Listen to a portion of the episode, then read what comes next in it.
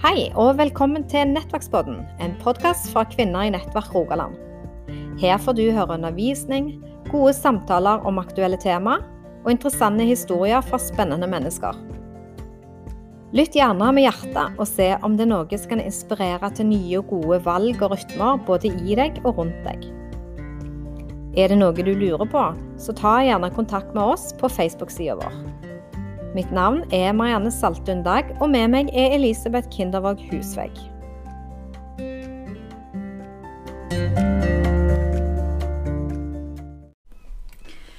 Ja, nå har vi en litt sånn spesialsending med Nettverkspodden i dag. For nå er jeg alene, og det er litt uvant for meg. Eh, men vi hadde veldig lyst å nytte anledningen.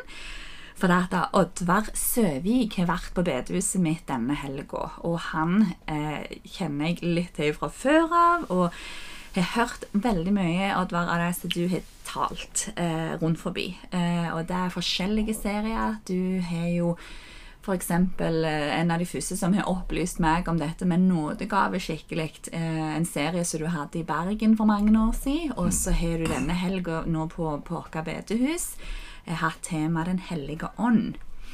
Og det er så spennende, og jeg er så glad for at vi nå, meg og du, bare i dag kunne samles mm. i min campingvogn. Vi pleier jo sjelden å være i min vogn. Vi pleier jo å ha Mariannes i vogn som vi har studio i, men nå blir dette litt sånn på sparket og litt provisorisk. Og så er vi glade for at vi fikk det til. Ja. Um, Oddvar, kan du dele først litt eh, Hvem er du? Eh, og ja, litt ditt vitnesbyrd, kanskje, så vi kan bli litt kjent med deg. Mange vet jo hvem du er, men mm. likevel. Ja, jeg fikk det spørsmålet en gang. Hvem er Oddvar Søvik? Og så svarte jeg ja, jeg er pastor. Og lenger kom jeg ikke. Jeg spurte ikke hva du gjorde. Jeg spurte hvem du er. Og det ble en utfordring. Så jeg måtte virkelig tenke og be litt over det. Og så leste jeg at Paulus sier 'Jeg er et menneske i Kristus'. Og det ble en sånn en eh, nesten aha-opplevelse. Ja, men identitet er å være i Kristus. Og da er jeg en ny skapning. Da er jeg et Guds barn. Da er Jesu Kristi bror. Og bror til en konge kalles for prins. Så jeg er altså en prins Oddvar. Mm. Født på ny. Ellers så har jeg snart blitt 77 år. Jeg er utdannet teolog, har vært pastor, forstander, landsomsekretær, evangeliseringsleder, skolelagsprest, prest Masse ting opp gjennom årene. Nå er jeg pensjonist, har vært i ti år men reiser rundt og forkynner Guds ord, underviser og har stor glede av det. Og håper at jeg skal få svive enda noen år til. Så det blir ingen pensjonister i Guds rikes arbeid, med andre ord? Ordet pensjonister er ikke i Bibelen. Så det, så lenge hodet er noenlunde klart, så vil jeg fortsette. Ja. Din opplevelse med dette med Den hellige ånd, med nådegave og alt det som du eh, har tatt opp denne helga, kan du Altså, hvor, hvor begynte dette for deg i sin tid? Kan du dele litt rundt det? Ja, jeg kom ut fra Menighetsfakultetet i 1970. Og det jeg hadde lært eller oppfattet der, var at alt det som hadde med Den hellige ånd å gjøre, det var egentlig noen svermeriske greier. Så det burde man holde seg langt borte fra. Det hadde Luther tatt et oppgjør med for 400 år siden, godt og vel, så det måtte vi bare holde borte. Men så kom jeg til Bergen som marineprest, og der traff jeg en kar som hadde opplevd en åndelig fornyelse. Og han hadde tydeligvis fått tak i et eller annet som ikke jeg kjente til. Og han inviterte meg med på et møte med en anglikansk prest som heter Dennis Bennett. Han skulle ha et pastormøte i et Terminus Hall i Bergen, og jeg var veldig skeptisk. Men jeg så fram til å få en gratis lunsj og treffe kollegaer, så jeg sa ja til å bli med. Og Der satt en uh, godslig prestemann og fortalte hva han hadde opplevd i 1960 det var noen medlemmer i hans forsamling som hadde blitt så fornyet og så frimodige, og han skjønte at de hadde noe som han ikke hadde. Og han ble bedt for, og han fikk et nytt språk i sin bønn, tungetale, og opplevde at hele hans tjeneste ble totalt forvandlet. Og det var nok en del ting som han sa der som jeg fremdeles ikke er enig i teologisk, men det er en annen sak. Men jeg husker jeg satt ved siden av Kjell Grønner, og så sa jeg Kjell, det han har opplevd, det er bibelsk. Og det må du og meg fordele uansett hvor galt det er teologisk. Jeg er helt enig, Oddvar, sa han.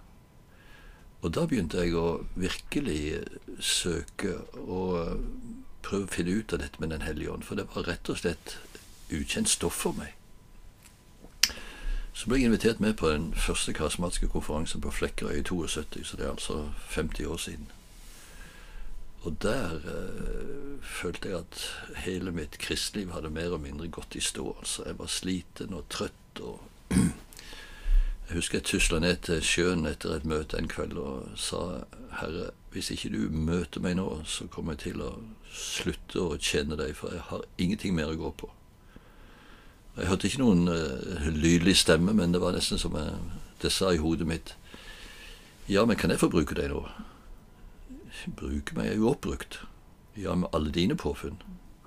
Men vil du nå la meg få bruke deg? Og jeg sa, Herre, hvor du vil, som du vil, når du vil, bare du gir meg det jeg trenger til. Og så ble jeg fylt av en forunderlig fred, og akkurat som jeg hadde fått lagt ansvar ifra meg. Så var det anledning til forbønn seinere på kvelden, og jeg søkte forbønn. og Jeg vet ikke om det skjedde noe akkurat der og da, men jo, det gjorde det vel kanskje. Men litt seinere så ble jeg spurt om jeg kunne be for ei dame som hadde sånne store ryggsmerter. Og det hadde jeg aldri gjort før. Og jeg tenkte, hva har jeg lært om dette på Menighetsfakultetet? Jo, vi måtte være veldig forsiktige med å be for syke, og hvis de ikke ble helbredet, så ble det enda verre for dem. Så jeg sa at jeg vet ikke om jeg har tro for det, sa jeg. Ja, men jeg har veldig tro for at du skal be for meg, sa hun. Da var det ikke noe vei utenom. Så jeg sa ja, men da tror jeg vi må be litt først. Og i mitt indre så ba jeg noe helt annet enn jeg ba med munnen. For med munnen ba jeg en sånn en fin pastorbønn. Men mitt indre ropte jeg kjære Jesus, hva skal jeg gjøre nå? Dette har jeg aldri gjort. Og igjen var det som Herren sa, du skal bare legge hendene på henne, jeg skal gjøre resten. Og så ble jeg fylt av en forunderlig kraft. Og når jeg skulle be videre, så begynte jeg bare å snuble i jorden og begynte å be i tunger. og så gikk jeg bort og la hendene på henne, og hun ble helbredet. Og Så tenkte jeg, ja, det var jo en grei arbeidsfordeling. Jeg gjør det mulige, så får Herren gjøre det umulige. Mm. Og fra da følte jeg på mange måter at det begynte en ny tjeneste. Tidligere var det jeg skulle gjøre det, så skulle Jesus hjelpe meg. Nå skulle han gå foran og gjøre det, så skal jeg følge etter. Før hadde jeg bestemt, nå var det han som fikk bestemme. Og det tror jeg egentlig det betyr å bli fylt av Ånden, det at han skal beherske oss, fylle oss, lede oss, bruke oss. Og da vil han gi oss det vi trenger til. Og dette er jo ting som, som Bibelen taler mye om. Men det er jammen ikke så kjent for meg uh, i min tradisjonelle bedehusverden, da. Sant? Og hvordan opplever du det i dag når du er rundt med disse temaene her, uh, og det som er tatt opp nå i helga? Er dette noe som det er mye snakk om, eller? Jeg var jo med og stifta, eller starta Helligåndsseminar Oase i 77, og første oase var jo i 1980. og da var jo det et enormt behov for å forkynne om Den hellige ånds gjerning. Men vi trodde kanskje at etter fire-fem år så skulle dette være kjent for alle, iallfall i lutherske kretser. Nå hadde de holdt på med oss i 40 år, og fremdeles er det tydeligvis behov for det. Og det underlige er at når jeg reiser rundt, og sånn som denne helga her i Sirevåg, nei, på Ogna, og taler, så kan det hende at folk kommer og sier ja, men dette har vi aldri hørt om før. Og et sted jeg var, så fikk jeg beskjed om at nei, her skulle man ikke ha noe tale om Den hellige ånds gjerning. Nei vel, hvorfor det? Nei, men det står jo i første Korinterbrev at Paulus sier 'jeg vil ikke vite av noe annet enn Jesus Kristus han korsfestet'. Så det er det som skal forkynnes her. Så sa jeg bibelord bør alltid leses i sin sammenheng. Og hva er sammenhengen som Paulus sier dette i? Nei, det visste han ikke. Jeg skal lese det for deg, sa jeg. Da jeg kom til dere, vil jeg ikke vite noe annet enn Jesus Kristus han korsfestet. For jeg vil ikke at deres tro skulle bygges på menneskelig visdom, men på Guds kraft. Men når Paulus har grunnlagt menigheten ved å forkynne ord om korset, så underviser han jo i samme brev om nådegaven og sier jeg vil ikke at dere skal være uvitende om dette. Så hvis ikke dere vil ha forkynnelse om nådegaver, så er dere ubibelske. Iallfall mye mindre bibelske enn Paulus. Han ville rett og slett gi undervisning om dette. Han ville ikke de skulle være uvitende. Og jeg tror at når dette løftes frem og forkynnes, så kommer troen av forkynnelsen. Og hvis ikke dette forkynnes, så blir det mangler i forsamlingen. Mangel, mangler i forkynnelsen fører til mangelsykdom i forsamlingen. Og Derfor må dette løftes frem. Og Åndens oppgave det er jo å herliggjøre Jesus. Så jeg håper jo inderlig at etter en sånn helg som denne, så er det Jesus som skal bli stor. Ikke verken predikant eller Den hellige ånd. Det er Jesus som skal bli stor. Det er han som skal bestemme. Det er han som skal lede oss. Og du er jo veldig, veldig flinke, syns jeg, å formidle dette. Eh, for at du, du er en ordets mann, skulle jeg si. Du har jo en enorm tyngde eh, bak deg, og det er så tillitsvekkende.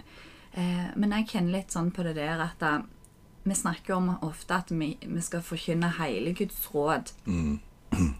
Men likevel så er det tydeligvis ting som blir unnlatt. At han liksom kjører mer ensidig da. Eh, er ikke det like gale? Jeg tenker nok at i en del bedehustradisjon så har det vært litt for mye dette her at det er opp til predikanten å velge hva han skal forkynne. Og predikanten vil gjerne være sentral, og da blir det tre runder rundt Golgata. Og det er for så vidt sentralt. Men hvis man aldri kommer videre enn å forkynne det grunnleggende Jeg mener ikke vi skal forlate det, det skal være utgangspunktet for alt. Men vi skal forkynne om helbredelse, vi skal forkynne om diakoni, vi skal forkynne om evangelisering, vi skal forkynne om Den hellige ånd igjen, vi skal forkynne om forvaltning. Det er utrolig mange temaer som trenger å løftes frem. Og et styre er egentlig et åndelig lederskap. Og de skal ikke bare overlate til predikanten at han skal bestemme, for han kjenner jo ikke alltid forsamlingen. Men de som er styre eller åndelig lederskap, de skal spørre Gud hva trenger vi å få løfte frem? Hvor er det mangler i vår forsamling? Hva trenger vi å få løfte frem nå? Og da syns jeg det er flott at Ogna bedehus sier at nå trenger vi å høre noe om Den hellige ånd. Og så ber de en komme og forkynne om dette. Og så er det kanskje andre som har større innsikt på andre områder. Og så sier de ja, vi trenger nå virkelig å løfte fram diakonien. Vi trenger å få noe forkynnelse hva det vil si. Eller vi trenger å få noen til å forkynne om bibelsk givertjeneste og forvaltning. Og jeg tror at dette å ha en møteserie, la oss si fem møter på helg som dette, da får du på en måte slått flere slag på samme spiker. Jeg så f.eks. et sted jeg var, der hadde jeg vel tre, fire, fem bibeltimer om forvaltning og givertjeneste og alt dette her. Og så sa jeg at nå må dere rett og slett ha noen som sitter nederst, som kan ta imot folk som vil melde seg til givertjeneste. og jeg tror de økte rett og slett givertjeneste nesten med 100% Fordi at folk fikk utfordringen, forkynnelsen og anledning til å gjøre noe med det. Så vi må både forkynne hva Guds ord sier, og så må vi legge til rette for at dette kan omsettes i praksis. For altfor mange er ordets hørere, men ikke dets gjørere. Mm. Ja. Men hvis jeg kan spørre deg, da. Eh, hva, er, hva, kan skje i en forsamling, i et fellesskap, hvis det er mangel på ånd? Sant? Hvis det bare er men sagt, Jeg har jo tult litt opp gjennom meg og sagt at det ofte er Jesus Gud og den hemmelige ånd, liksom. Eh, hva skjer hvis vi unnlater å ta med denne delen med ånda da, inn i våre fellesskap? Altså, hva, hva faresignal vil der oppstå da? Og hva, hva mangler kan vi se, tenker du? Jeg husker en gang for mange år siden jeg hørte en daværende generalsekretær i Lausanne-bevegelsen, en mann som het Gottfried Osei Mensa. Han var fra et eller annet afrikansk land. Men han stilte spørsmålet i talen sin hva ville skjedd med din forsamling hvis Gud tok sin hellige ånd bort? Ville alt rase sammen, eller ville alt fortsette i samme spor? Svaret du gir på det spørsmålet, viser hvor avhengig du er av Guds ånd. Og Så var han stille lenge, og så kom det Jeg er redd for at mange forsamlinger ville fortsette som om ingenting hadde skjedd. Men da er deres arbeid halm og stråverk, menneskeverk, ikke Guds åndsverk. Og det der tanen glemmer jeg aldri, altså. For vi kan etter hvert Han skal arrangere møter, vi får noen til å lede, noen til å synge og noen til å tale, og så går det på en måte litt i den samme duren. Jeg er litt stygg, altså, men det blir ofte med vår egen innsats. Og jeg sier det at et møte skulle egentlig være slik at når vi går hjem igjen etter møtet, så er det ikke verken taler eller møteleder eller sangere vi skal snakke om, men vi har en opplevelse vi har møtt Jesus. Og det skjer når Den hellige ånd forherliggjør Jesus for oss. Når det er Han som får lede, når det er Han som deler ut sine nådegaver. Da har du ikke en følelse at nå har jeg møtt Den hellige ånd, men nå har jeg møtt Jesus. Han har blitt stor for meg. Han har blitt ny for meg. Og det er nettopp et møte med Jesus som kan forvandle mennesker. Det er jo ikke helt ukjent at bedehus og sånt utover det vidstrakte Norges land legges jo ned i hopetall. Menigheter forsvinner og sånn. Og det er liten vekst. Eh, jeg har mange ganger størst på kan det ha med å gjøre at dette har blitt eh, underkommunisert, det som Den hellige ånd skal få gjøre i oss, i forsamlinger. Du snakker i helga om nådegavene. Hvis det er aldri blitt snakket om en gang, mm. eh, kan det ha med å gjøre nettopp det? At det blir så lite liv, lite frimodighet, kanskje. Eh, det er jo mange som kjenner på i kristne forsamlinger at de, de vet ikke om det er frelst. Altså, Tror du dette kan ha en connection? Nå er jo ikke bildet fullt så svart som du tenkte det, at det legges ned i hopetall. For jeg opplever også at det er forsamlinger, bedehus og menigheter som opplever fornyelse og vekst og liv, altså. Heldigvis. Men jeg vil også si at det henger en del sammen med forkynnelsen, undervisningen, og hvordan man legger til rette for hele Guds råd. Og eh, det er jo et veldig ansvar for de som sitter i ledelsen for et bedehus, en forsamling, og virkelig spør lyder det her et fulltone evangelium. Og at vi også er, ja, skal vi si, villige til å spørre om det vi holder på med, egentlig er det Gud vil vi skal holde på med.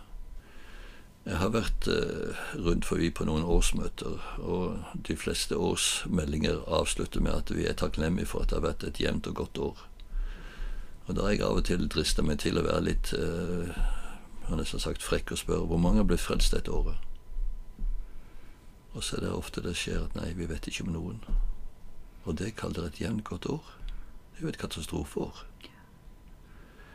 Og jeg tenker at vi må ikke bare være fornøyd med aktivitet, men vi må spørre, altså føre det vi holder på med, til at mennesker blir frelst. Og jeg tror også det er viktig i tida framover at vi utruster folk til å dele sin tro i hverdagen på en naturlig og enkel og god måte, og at vi gir dem også hjelp til å kunne forsvare sin tro, hvorfor de tror, ikke bare hvem de tror på og hva de tror, men hvorfor de tror, slik at de har frimodighet til å gå i møte med mye av den motstand som vi opplever i dag. Jeg skulle holde et evangeliseringskurs for uh, ti foreninger, ti, ti foreningsstyrer for noen år siden. Og da sa jeg nå vil jeg først stille dere to spørsmål. Og det ene er hvor mange møter har dere holdt i løpet av året som har gått? Og da var det aktive foreninger dette, så de fleste hadde gjerne hatt et søndagsmøte, et ukemøte, og så hadde de gjerne ei møteuke høst eller vår, så de fleste foreningene de hadde holdt en 100 møter i løpet av et år. Så ti foreninger, 1000 møter. Så dette er jo imponerende. Her har jeg brukt masse tid, penger og krefter på å arrangere 1000 møter. Imponerende. Jo da, de nikker og er enig i det. Så kommer spørsmål to, sa. Hvor mange har blitt frelst i løpet av året som har gått? Kan jeg få så nøyaktig tall som mulig? Ingen, ingen, ingen, ingen, ingen, ingen som vi vet om. Den siste sa vi har fått en ny. Ja vel, hvordan ble han frelst? Nei, det var en i foreningen som ble så minnet han skulle gå over til naboen og snakke med han en kveld. Han ga seg over til Gud. Ett besøk, én frelst. Tusen møter, null frelst. Nå har ikke jeg sagt at vi skal slutte å holde møter.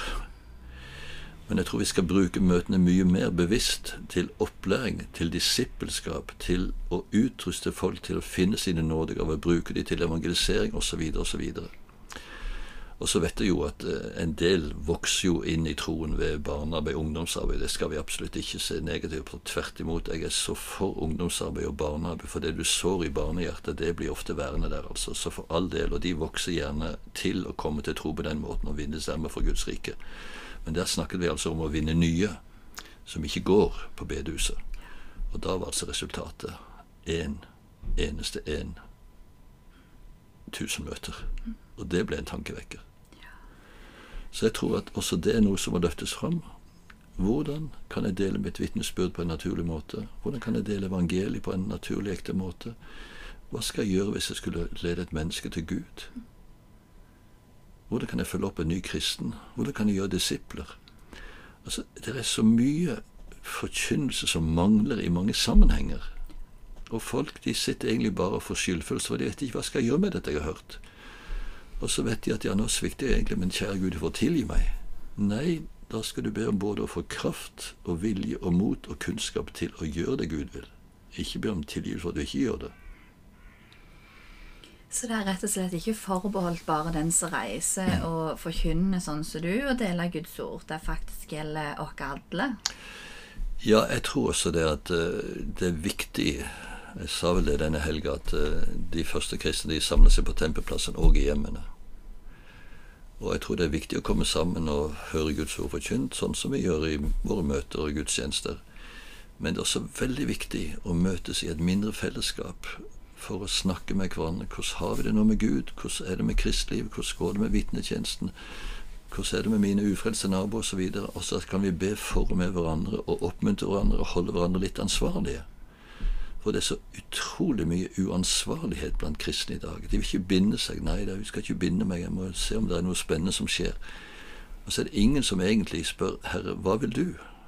Og Det å være en kristen, det å være en Jesu disiplin som følger Jesus, hører Hans ord, gjør etter det. Og Det må også løftes fram. Hva vil det si å være en Jesu disippel i dag? Og det er jo noe av det som jeg og Marianne brenner veldig for i podkasten, er jo disippelgjøring. Mm. Eh, og du, Oddvar, har jo ei bok Jeg har jo lest mye av det du har skrevet, og det har jo vært altså så utrolig godt. Og spesielt den boka som jeg tror snudde livet mest litt på hodet for meg, er den som du har som heter Følg meg. Mm. Ei fantastisk bok. Og, og 'Strømmer av, av eh, levende vann' det var den første boka jeg tror jeg noen gang leste om dette temaet. Eh, og det har sånn mest før og etter for meg, mye av det som du har skrevet. Så her er oppfordring til å, å handle hjem Oddvar sine bøker. Og, og, eh, og så tenker jeg litt um, nå, nå har vi jo hatt denne her eh, pandemien, sant. Um, hva tenker du nå, Oddvar? Uh, det som du har sett liksom i menigheter Du reiser jo rundt og har et visst innblikk i hva som rører seg i, i Kristi kropp, for å si det sånn. Eh, hva, hva er det du sitter litt igjen med? Hva er nå, Herre, etter dette som har rørt seg og satt oss ut av spill, på en måte?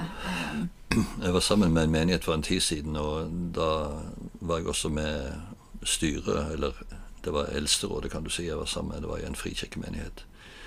Og da sier en i eldsterådet ja, nå gleder vi oss til å komme tilbake til normalen igjen. Så sa jeg, er dere sikre på dere skal det? Ja, hva jeg mente med det? Nei, kanskje nettopp nå er det tid til å spørre Skal vi fortsette med alt det som vi før har gjort? Er det kanskje ting som vi rett og slett bare skal la ligge? Og spør er det Gud, dører Gud nå åpner som vi skal gå inn i? Og Jeg tenker litt tilbake på da jeg begynte i Indremisjonsselskap for mange år siden. Da hadde de et motto som het 'I fedres spor mot nye mål'.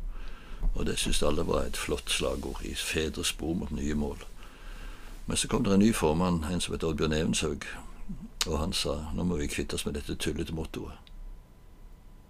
Ja, hva vil du ha i stedet, da? I nye spor mot fedres mål. Og plutselig så gikk det opp for oss. Målet er jo det samme. Mennesker skal bli frelst, fornyet, forvandlet. Men nye tider krever nye spor.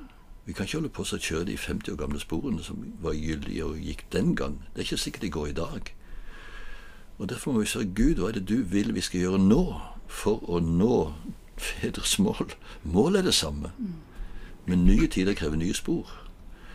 Og det å han har sagt, gjøre noe nytt, det er alltid forbundet med en viss usikkerhet.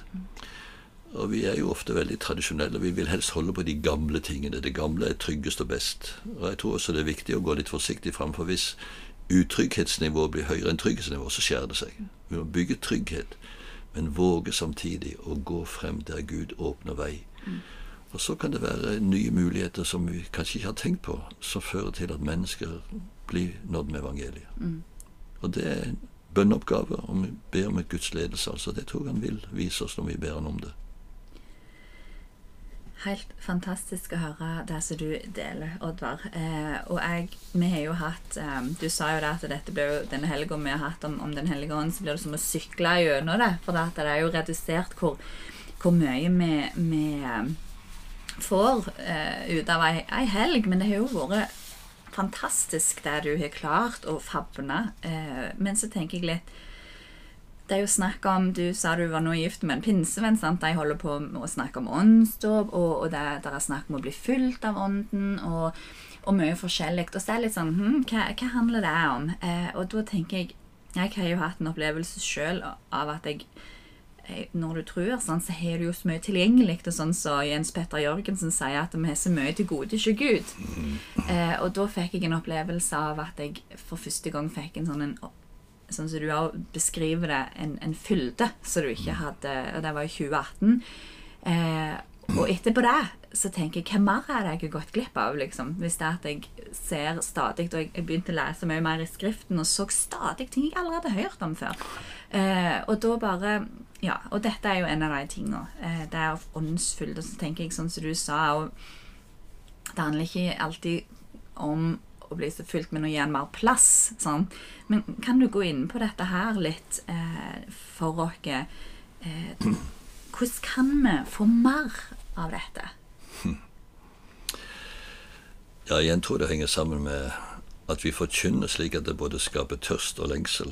Og uh, kanskje også vitne for hverandre. Jeg må jo si for min egen da jeg møtte han her karen i Bergen, som tydeligvis hadde opplevd et eller annet som jeg ikke hadde opplevd, mm. så skjønte jeg at her er det noe mer. Og når jeg da leste i Apostlenes hjerne, leste Bibelen, så så jeg at dette er jo bibelsk. Og jeg tror aldri at vi noen gang kan si at nå har jeg nådd det, nå har jeg grepet det, nå er det ikke mer å hente. Selv Paulus, som hadde levd et helt liv, og han skriver Filippe-brev iallfall hvert tredje år som kristen, så sier han ønsker bare én ting. Det er å kjenne Kristus og finnes i Han. Og ikke at jeg allerede har grepet allerede er fullkommen, men jeg jager fremover for å gripe det fordi jeg har grepet av Kristus. Og det er en sånn en rar dobbelthet. Eh, på den ene siden, den som drikker dette vannet, skal aldri mer tørste, sier Jesus. Når du har funnet Jesus og fått del i hans frelse, så leter du ikke andre plasser. Da har du fått freden og gleden og alt det du trenger til. Men samtidig, når du har smakt at Herren er god, så gir det mersmak. Du ønsker å egentlig bli bedre kjent med Jesus. Og jeg tenker, Det er bare et bevis på at du har funnet det du. Jeg mener, Hadde du gått i ekteskapet, så tenkte du ikke ja, ja, nå er det ikke noe mer å hente. Du ønsker å bli enda bedre kjent med din kjære og få enda dypere forhold, enda større nærhet og fortrolighet. Og jo bedre blir det. Og Derfor trenger vi bli aldri utlært. Og eh, jeg husker jeg hørte en gang misjonær Aarvik. Han hadde akkurat fylt 80 år. og Jeg er jo en av de misjonærene som har opplevd mest med Gud. Så spurte møtelederen nå håper du får leve mange år enda. Hva er ditt høyeste ønske for tiden som ligger foran? Så kom det stille fra denne misjonæren at de må lære Jesus bedre å kjenne. Mm. Og da gråt jeg. Mm. Jeg tenkte det er så mye enda å hente.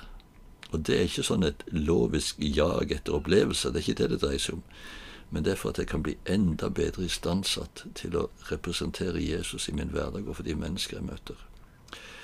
Og så kan det oppleves veldig forskjellig. Pinnsvenn har jo sin egen teologi på dette, at du må ha en åndsdåpsopplevelse. Og det er flott med opplevelser. Og jeg har hatt en del åndsopplevelser som har vært gode, men jeg kan ikke si at akkurat da var det noe spesielt som skjedde.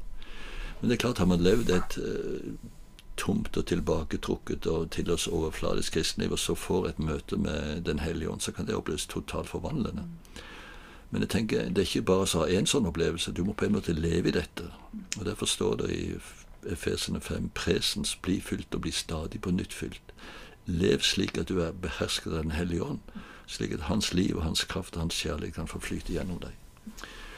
Og så er måten forskjellig og opplevelsen forskjellig, men det er alltid mer å hente hos Jesus. Og det er Nå har jo jeg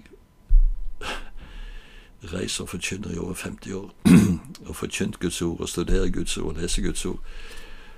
Og så kan det plutselig hende at det åpner seg noe nytt altså, som jeg aldri har sett før. Mm. Det er helt utrolig. Jeg skulle tro nå hadde sett alt. Mm. jeg har ikke det.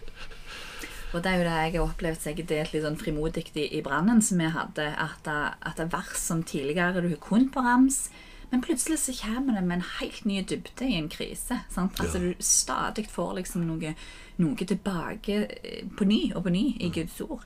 Um, Oddvar, du har jo ei bok som jeg har lest, jeg må bare referere litt til det, som handler om bønn. Spesielt ei tjukk, god bok. Uh, og, og det er noe også vi snakker om i podkasten, og, og du brenner jo veldig for det. Og, og jeg husker nå i løpet av helga så nevnte du på hånda med fem fingre. Og, uh, kan du si litt om, om dette med bønn, og så nevne på det der grepet som du nevnte på?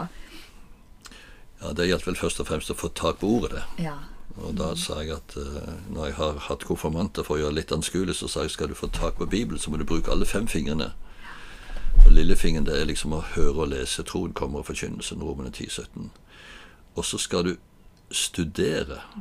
Ikke bare sykle gjennom, men studere. Hva betyr dette ordet? Hva betyr det i min situasjon? Hva betyr disse uttrykkene? Hva betyr nåde? Hva betyr osv.? Studere Guds ord. Og så memorere. Og jeg vil si at jeg har hatt utrolig glede av å memorere Guds ord. For i mange situasjoner i livet som har stått fast, så har jeg sagt 'Jesus, har du et ord til meg?' Og så popper det opp et ord. Fordi jeg har lært ordet. Og da kan Den hellige ånd minne om det Jesus har sagt. Hvis du ikke vet hva Jesus har sagt, hvordan skal Den hellige ånd minne deg om noe? Og dessuten, når jeg skal forberede en tale, så slipper jeg å lete rundt forbi Bibelen, for Bibelen kommer poppende etter hvert som de skal på plass. Og så meditere. Det er pekefingeren. Og det står i salmen salig den som grunner på Herrens ord dag og natt. Hva betyr det at Kristi fred skal råde i hjertene? Hva betyr det å ikke være bekymret for noe i min situasjon? Grunne på Guds ord. Ordet 'grunne på' betyr faktisk å drøvtygge. Og så praktisere. For det er først når vi praktiserer ordet at det blir egentlig levende for oss. Jeg har lært mine fire sønner å kjøre bil, og de syntes nok det var veldig kjedelig å pugge trafikkregler. Inntil de satte seg bak rattet og skulle kjøre. Da ble de plutselig veldig aktuelle. Og jeg tenker også en snekker, hvis han bare fikk lære alt om å hamre og spikre og sage og tømre, men aldri fikk ta inn hamre eller sage eller spiker, det vil ikke være særlig interessant. Det er når du begynner å praktisere, at du opplever at dette ordet er jo levende. Dette er jo skapende. Dette gir jo hva det nevner. Men da må det omsettes. Og legg merke til hvor ofte Jesus sier 'gå du og gjør likeså'. Gå du og gjør. Gå du og gjør. Den som hører disse mine ord og gjør etter dem, han ligner en mann som bygde huset sitt på fjell. Så følg meg, sier Jesus. Følg meg. Gjør som jeg sier. Ikke for å bli frelst, men fordi vi er det. Og inn på dette med, med bønn. Du sa jo det når det var et spørsmål i salen i går om dette med vekkelse, at ingen vekkelse har begynt uten bønnearbeid i forkant. Eh, og det, vi, har jo, jo en del troshelter som vi har hatt oppe, bl.a. Marie Monsen. Og hun ba jo for Kina og arbeidet, og de ba om vekkelse i tror jeg det var rundt 20-25 år før det brøt ut. Verdens største vekkelse. Og så tenker jeg dette her med bønn, altså. Jeg merker jo at det er få ting der er så kamp rundt som mye stilletid. Eh, og da tenker jeg det er noe med det, uten tvil, hvor viktig bønn må være i arbeidet, i vårt eget liv. Eh, og um, kan du snakke litt om bønn når vi går mot en avslutning på dette? For jeg opplever mer enn noen gang, tror jeg, nå i pandemien, at eh, bønn og Bibel eh, må settes høyt. Mm. Ja, det er jo ikke for ingenting at Paulus, når han skriver til sin venn Timotius, så gir han jo mange råd og formaninger, og så sier han nå formaner jeg dere fremfor alt at det gjøres bønner, forbønner, påkallelse, takksigelse for alle mennesker. Timotius, det viktigste du må påse, det er bønnearbeidet. Og jeg siterte han professor Edvin Aar, som hadde tatt doktorgrad på vekkelseshistorie. Han hadde søkt samtlige vekkelser over hele verden de 200 siste årene.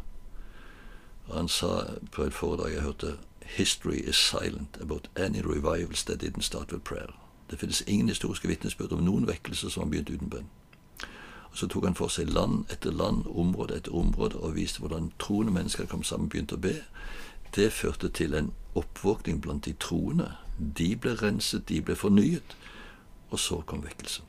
Og det begynner som regel med Guds folk. Og det er jo dette som står i 2. krønike 7,14, at dersom dette folket som et navn er nevnt over, ydmyker seg og ber, venner over fra sin onde verd og søker meg, så vil jeg tilgi folkets synd og lege deres land. Det begynner med oss. Og derfor er det litt trist noen ganger når jeg kommer rundt og sier det skal være bønnemøte før møtet. Nei, det kommer jo ingen. Så tenker jeg ja, ja, da blir dette møtet deretter. Og det blir det som regel. Men der folk kommer sammen og ber før et møte, og det har vært så fint her på Ogen også at det har vært bønnemøte før hvert eneste møte, der skapes det en forventning. Og der det er forventning, der skjer det som regel noe. Der det ikke er forventning, der skjer det som regel ingenting. Salige de som ikke forventer noe, de skal ikke bli skuffet, var det en som sa. Og jeg tror når vi kommer med forventning, så er vi åpne for hva Gud vil gjøre og gi. Og det begynner som regel med bønn. Og så tror vi også at når vi ber for ufrelste med navns nevnelse, så virker Gud på de vi ber for, og åpner hjertene og legger gjerninger ferdig for oss som vi kan forvandle i. Og det er også veldig spennende å se hvor kreativ Gud er i å legge gjerninger ferdig, om vi bare er villige til å gå i dem. Jeg kunne fortelle mange, mange eksempler på det. Ja. Nå tenker jeg at du skal jo på middag, og det er så mye nå, men, men jeg vil bare sånn Har du noe nå til slutt som du ønsker å si? For at vi er jo en podkast som heter, er i regi i Groen og Kvinner i nettverk, men vi oppdager jo at det er mye både menn og damer som hører på, og det er fantastisk. Så jeg tenker at det, eh, der, er- der er et variert eh, publikum der ute. Eh, er det noe du bare kjenner at Gud taler til deg rundt i den tida vi lever i akkurat nå, eh, 2022, som du ønsker å helse lytterne noe med helt til slutt? Er det et vers eller noe som er blitt Det skulle jeg vel fått litt mer tid til Ja, å tenke ja, ja. over. Det var, det var litt på sparket, dette. Men eh, jeg tror nok at det som eh, har ligget meg mest på hjertet nå i seinere tid, og det var jo det som førte til at jeg skrev denne boka 'Følg meg', det er dette å la Jesus få være herre. For vi har veldig ofte forkynt Jesus som frelser, og det er jo utrolig viktig. Men han er både frelser og herre. Og jeg husker jeg så et sitat et sted der sa If he isn't lord of all, he isn't lord at all. Hvis Jesus ikke er herre overalt, så er han ikke herre i det hele tatt. For hvis jeg bestemmer hvor mye han skal bestemme over, så er det jo jeg som er sjefen. Men jeg må være villig til å si Jesus, der du leder, vil jeg følge. Det du viser meg, vil jeg gjøre. Og jeg må jo bare erkjenne og bekjenne at mange ganger har jeg svikta, for motet svikta. Men jeg har fått lov til å begynne på nytt, og jeg har fått lov til å gå i gjerning Gud har lagt ferdig. Og så har det blitt til velsignelse for meg sjøl, ja. Men også fantastisk å se hvordan Gud allerede har forberedt situasjoner. Og hvis vi kunne fått skal vi si, et kristenfolk som igjen var villig til å sette Jesus på førsteplassen og gjøre hans gjerninger, ha han som herre, da tror jeg det blir, blir vekkelse, altså. Det må jo være vår bønn. Mm. Eh, og, og der blir jo oppfordringen eh, og konklusjonen nesten på det alt vi holder på med Ja. I, i, i de kristne, eh, kristne rekke, for å si det sånn. At, at dette må bli ikke bare noe vi hører, men også noe vi gjør. Eh, på den måten så vil de jo vise at vi ønsker å være lydige og ønsker å følge. Eh, Oddvar, jeg eh, velsigner deg i Jesu Kristi navn, og jeg bare takker for at du er kommet her til, til denne helgåsjokket, og jeg bare er glad for at vi fikk denne episoden. Selv om jeg føler meg litt alene og ensom uten Marianne med, så, så er jeg veldig takknemlig for at det ordnet seg. Det har jo vært kvinnekonferanse nå i helga, og hun har vært veldig opptatt av det. Var jo et veldig godt god dag i går eh, i kirka på Bryne. Og, um, så det er så godt å kunne samles igjen, kollektivt. Og, ja. ja, og, og både til møtehelg og til konferanser og sånt. Og, og jeg tror at, det, at det der er mye som rører seg, eh, som vil komme ut av både denne pandemien som vi har hatt, men, men også iblant, sånn som du sier, med at det skal få bli eh, en vekkelse blant først og fremst oss sjøl framover. Eh, så takk skal du ha. Takk for anledningen til å få bli med, og Ja. Gud velsigne deg og arbeidet deres der også. Takk. Da takker vi for denne gang, og så bare ønsker vi alle velkommen tilbake til å lytte til enda mer av det som vi har ute. Mm.